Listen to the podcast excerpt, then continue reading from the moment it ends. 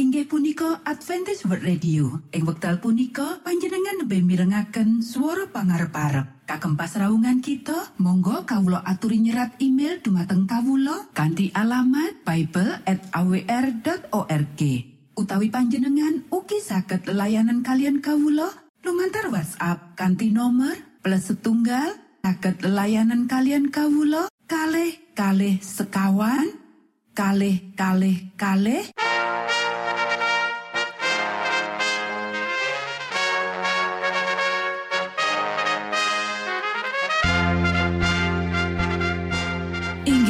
punika Adventist World Radio ingkang giaran kanti basa Jawi.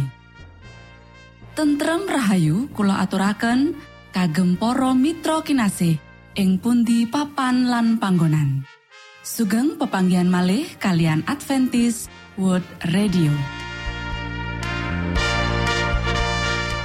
Kanti bingahing manah Kulo badi sesarengan kalian poro Mitra kinasih lumantar saperangan adicara ingkang sampun rinonci mligi kagem panjenengan sami. Mugi giaran punika saged migunani tuwin dados berkah kagem kita sedaya. Sugeng midhangetaken Gusti amberkahi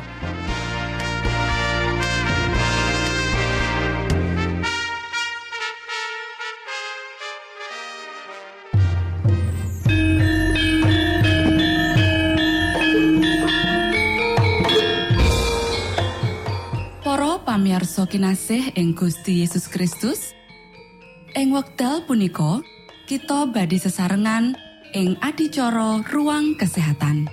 Ingkang saestu migunani kagem panjenengan soho kita sami. Tips utawi pitedah ingkang dipun aturaken ing program punika tetales dawuhipun Gusti ingkang dipunnyatakaken ing kitab suci. Semantan ugi sakehing seratan ingkang dipun wangsitaken dening Gusti Allah. Nanging saderengipun monggo kita sami midhangetaken kidung pujian.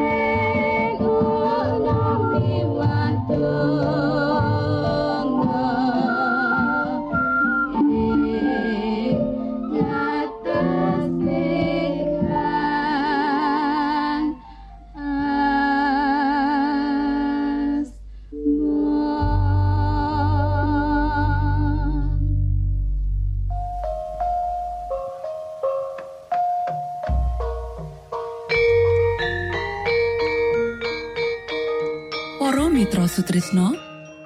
Puji syukur dumateng Gusti ingkang murbeng dumati ingkang sampun kepareng paring wewenngan kagem kita. Satemah saged nglajengaken ruang kesehatan. Pirembakan kita semangke kanthi irah-irahan Coro-coro mangan sing kleru perangan katelu.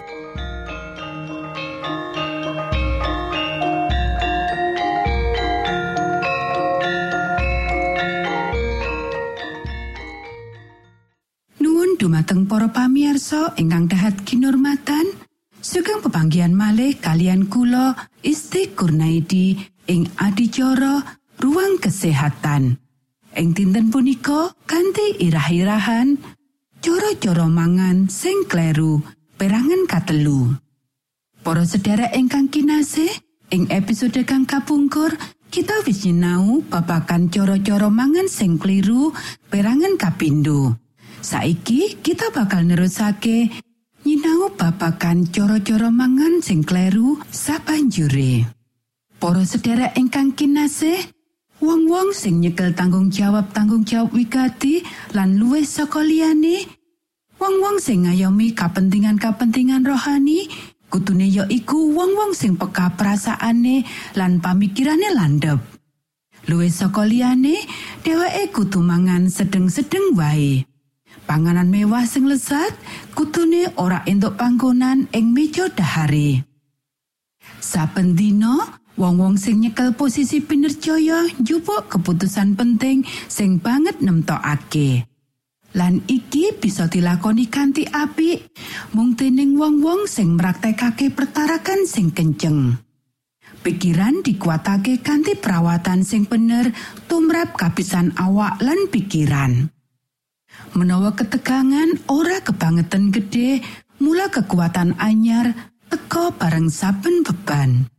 Nanging asring pakaryane sing duweni rancangan-rancangan penting kanggo diputusake lan keputusan-keputusan penting kanggo dicupuk dipengaruhi dening kejahatan sing timbul amarga panganan sing ora pas. Lambung sing ora beres ngakibate kahanan pikiran sing kacau lan ora mesti. Para sedherek ingkang kinasih, asring bab iki nyebabake sawijining wong gampang tersinggung, kasar utawa ora adil. Ake rancangan sing setianing gawa berkah marang jagat iki wis disingkirake. Ake tindakan sing ora adil, mepet malah kejem wis dilakokake dadi akibat saka kahanan sing loro amarga pakulinan salah sakjroning mangan. Ing kene ana siji anjuran kanggo kabeh wong sing gaweane kakian lungguh utawa meres otak. Mugia dheweke sing duwe cukup kuwanen moral lan pengendalian diri nyoba iku. Saben mangan, jupu loro utawa telu jinis panganan sing prasaja lan panganan ora luwe saka sing dibutuhake kanggo maremake rasa luwe. Usahakno olahraga saben dina lan telengen apa kue ora entuk manfaat. Para sedherek ingkang kinasih, wong-wong kuat sing sregep makaryo abot ora dipeksa supaya ngati-ati ing bab jumlah lan mutu panganane kaya dene wong-wong sing kebiasaan nyambut kawene sambil lungguh. Nanging dheweke iki uga bakal duweni kesehatan sing luwih apik maneh menawa dheweke gelem praktekake pengendalian diri sakjroning bab mangan lan ngombe. Para sedherek ingkang kinasih, saperangan wong kepingin supaya peraturan panganan sing pasti ditemtokake kanggo dheweke. Dheweke mangan kebangetan akeh banjur ngelani, dadi dheweke terus mikirake apa sing dheweke pangan lan ngombe. Kutune dudu mengkono. Sawijining wong ora bisa nggawe siji peraturan katemtu kanggo wong liya. Saben wong kudu nggunakake tetimbangan sehat lan pengendalian diri lan kudu tumindak ada prinsip. Para sedherek ingkang kinasih, awak kita ya iku kagungan sing wis dituku dening Gusti Allah. Lan kita ora bebas nglakokake sak kepenginane awake dhewe. Kabeh wong sing mangerteni pepakon-pepakon kesehatan kudu nyadari kewajibane kanggo mituruti pepakon-pepakon iki sing wis dititahake Gusti Allah sakjroning dirine. Pamituhu marang pepakon-pepakon kesehatan kudu didadekake sawijining kewajiban pribadi. Dheweke kudu nandang sangsara akibat pelanggaran saka pepakon kasebut. Kita kanthi cara pribadi kudu nanggung jawabake marang Gusti Allah ngenani pakulinan lan tindakan-tindakan kita. Amarga iku, pitakonan kanggo kita dudu apa sing dipraktekake dening jagat iki? Nanging kepiye aku kanthi cara pribadi? Nandokake papan tunung sing wis diparingake Gusti Allah marang aku? Matur nuwun Gusti amberkahi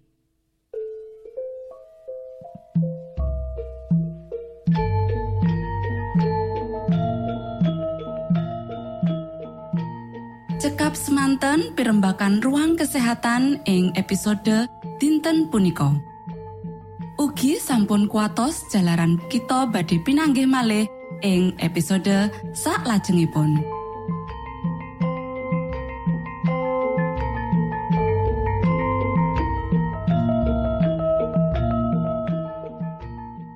Inggih punika adicara ruang kesehatan. Menawi panjenengan gadah pitakenan utawi ngersakaken katrangan ingkang langkung Monggo kulo aturi. Kinton email dateng alamat ejcawr@ gmail.com utawi lumantar WhatsApp kanti nomor 025 pitu 00 songo songo papat 00 pitu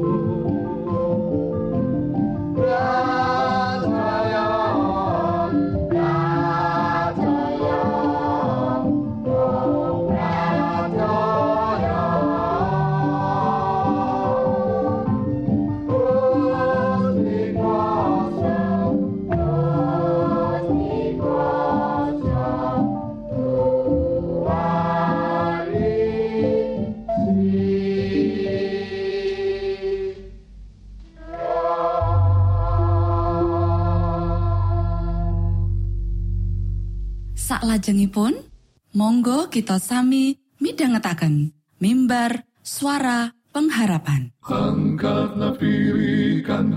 pawarto Sang Kristus paderamu. Pro umat samyo puji asmanyo Sang Kristus paderamu. Inggih punika mimbar suara pengharapan ing episode punika kanthi irah-irahan Gusti Allah boten badhe minger saka sira. Sugeng midhangetaken. Tondo Sang Kristus paderamu Ilmu kawero tambah tambah Sang Kristus paderamu Paderamu Paderamu Sang Kristus paderamu Shalom para pamirsa ingkang kinasih wonten ing Gusti sakmenika kita badhe mitangetaken renungan Sabtu pangantikanipun Gusti. Ing dinten punika kanthi irah-irahan Gusti Allah boten badhe minger saka sira Para sedherek ingkang kinasih Sabto pangantikanipun Gusti wonten ing kitab Yohanan pasal 6 ayat 37 inggih punika Kabeh kang diparingake marang aku dening Sang Rama iku bakal padha marani aku. Sarta sapa kang marani aku ora bakal dak tampik. Para sedherek ingkang kinasih, Gusti Yesus piyambak nalika manggen wonten tengah-tengahipun kita asring ndedonga. Pandonga dipun aturaken sakderengipun ngladosi lan nyucikaken saben tindakan pelatosanipun. Panjenenganipun manggihaken panglipuran lan sukareno salebetipun manunggil kalian sang romonipun. Lan menawi juru wilujeng kita putra Allah rumaos pikados nedonga kados pundi kita titahwantah ingkang ringkih lan dosa menika kedah ngraosaken wigatos nindakaken pandonga ingkang estu-estu lan lajeng kemawon. Para sedherek ingkang kinasih, sampun kagungan penggalih bilih amargi panjenengan sampun damel kalepatan amari pagesangan panjenengan sampun dipun petengaken kalian mapinten-pinten kalempatan pramila sang Romo kasuwargan panjenengan boten resnani panjenengan lan boten badhe mireng menawi panjenengan tetunggo manahipun ingkang kebak welas asih kajamah kalian kasisahan kita lan keporo kalian pengaken kita perkawis menika Boten wonten ingkang sakalangkung ageng kagem dipun tanggal panjenenganipun. Amargi panjenenganipun nyepeng jagat. Panjenenganipun ingkang meranata sedaya samukawis jagat raya. Boten wonten perkawis menapa kemawon ingkang sesambetan kalian tentrem rahayu kita ingkang sakalangkung alit kagem panjenenganipun kagem dipun katosaken. Boten wonten perangan pengalaman kita ingkang sakalangkung peteng kagem dipun waos panjenenganipun. Boten wonten kabingungan sakalangkung angel kagem panjenenganipun kagem dipun udari. Boten wonten ingkang dawa sakalangkung andhap, boten wonten ingkang sakalangkung nista satemah boten pikantuk pangluaran wonten salebetipun Sang Kristus. Para sedherek ingkang kinasih, menawi kita tansah ngutamaken Gusti Allah, ngleremaken manah kita atur syukur lan mamuji panjenenganipun pramila kita badhe anggadhahi kasegeran lumintu wonten saklebetipun pagesangan agami kita pandonga-pandonga kita badhe arupi atur pangantikan kalian Gusti Allah. Kados dene kita matur dumateng setunggalipun sekabat.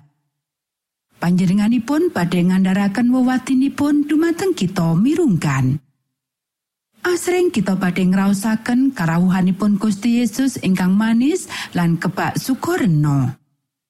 Para sedherek ingkang kinasih, kados pundi entahipun menawi kita ndedonga kanthi estu-estu. Pilih titahwanta ingkang boten pantes lan dosa, anggadhahi kuwaos ngaturaken panyuwun dumateng Gusti Allah. Kegiatan langkung inggil pundi ingkang saged kita gadahi nglangkungi saking menika kuwaos kagem sinambetan kalian Gusti Allah ingkang langgeng manungsa ringkih lan dosa gadhahi wewenang mirunggan matur dumateng pangriptanipun piyambak-piyambakipun ngaturaken atur-atur ingkang ngantos dumateng damparipun kraton jagat raya Para sedherek ingkang kinasih kluwung wonten sakupengipun dampar mujudaken setunggalipun jaminan bilih Gusti Allah menika estu.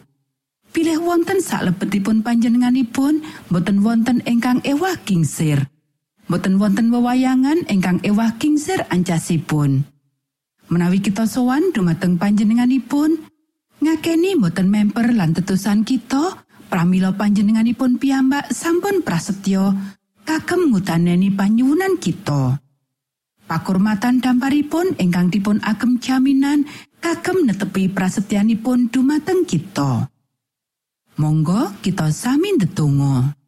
Duh Rama kawula ingkang wonten ing swarga asma patuko mugi kasucikaken Kraton patuko mugi rawuh Karsa patuko mugi kalampahan wonten ing bumi kados dene wonten ing swarga Kawula mugi kaparingan rejeki kawula sak cekapipun ing dinten punika. So patuko mugi ngapunten kalepatan kawula kados dene kawula inggih ngapunteni tetiang ingkang kalepatan dhateng kawula. Punapa dene kawula mugi sampun ngantos katantukaken dhateng ing panggoda nanging mugi sami patuko uwalaken saking piawon. Awit dene patuko ingkang kagungan kraton saha wiseso tuen kamulyan salami laminipun. Amin.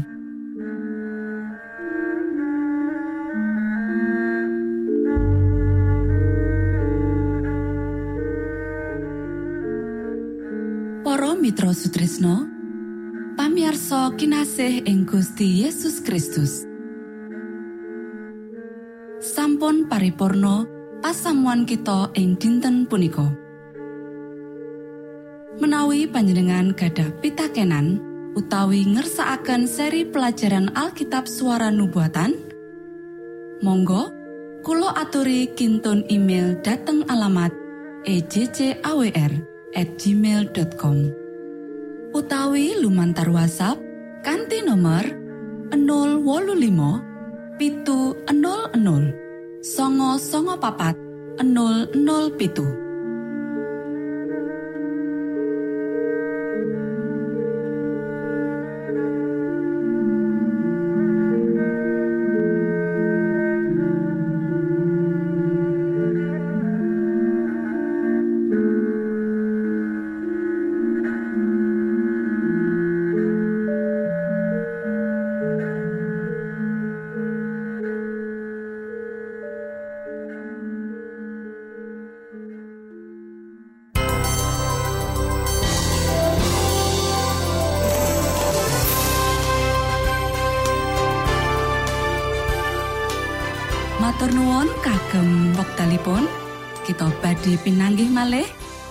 ing gelombang ugi wekdal ingkang sami. Saking studio kula ngaturaken tentrem rahayu. Gusti amberkahi kita sedoyo Maranata